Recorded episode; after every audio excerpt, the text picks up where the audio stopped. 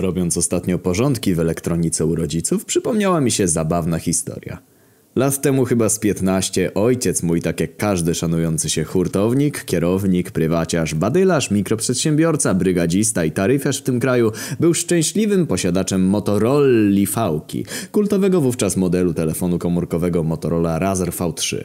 Dla gimbusów to taki wysadzany diamentami iPhone X w oczach panów z wąsem z początków tego wieku.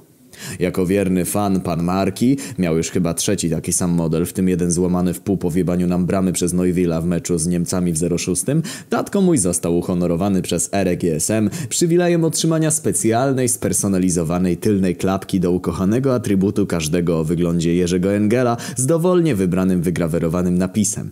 Pamiętam ten wzrok. Jak stoi rano w kuchni w swojej jeansowej kurtce z kubkiem Neski w dłoni, z delikatnym uśmieszkiem wpatruje się zamglonym spojrzeniem we wschodzące słońce, wyobrażając sobie jak Januszom w robocie spadają półbuty z wrażenia.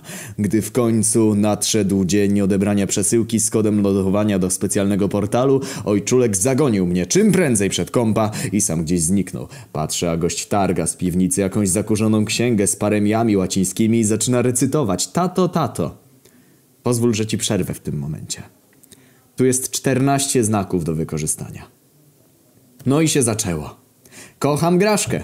Whisky moja żono. Wile kulfide. Ksywa z wojska. Znak zodiaku.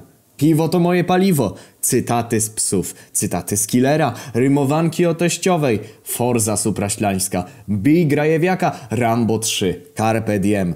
Jeśli nie możesz mnie znieść, kiedy jestem najgorszy... Nie no, żartuję.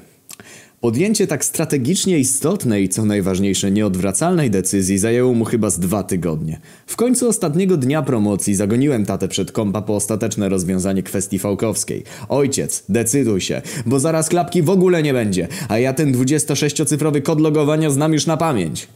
Tatko postawiony na rozdrożu życia podjął jedyną słuszną decyzję. Andrzej.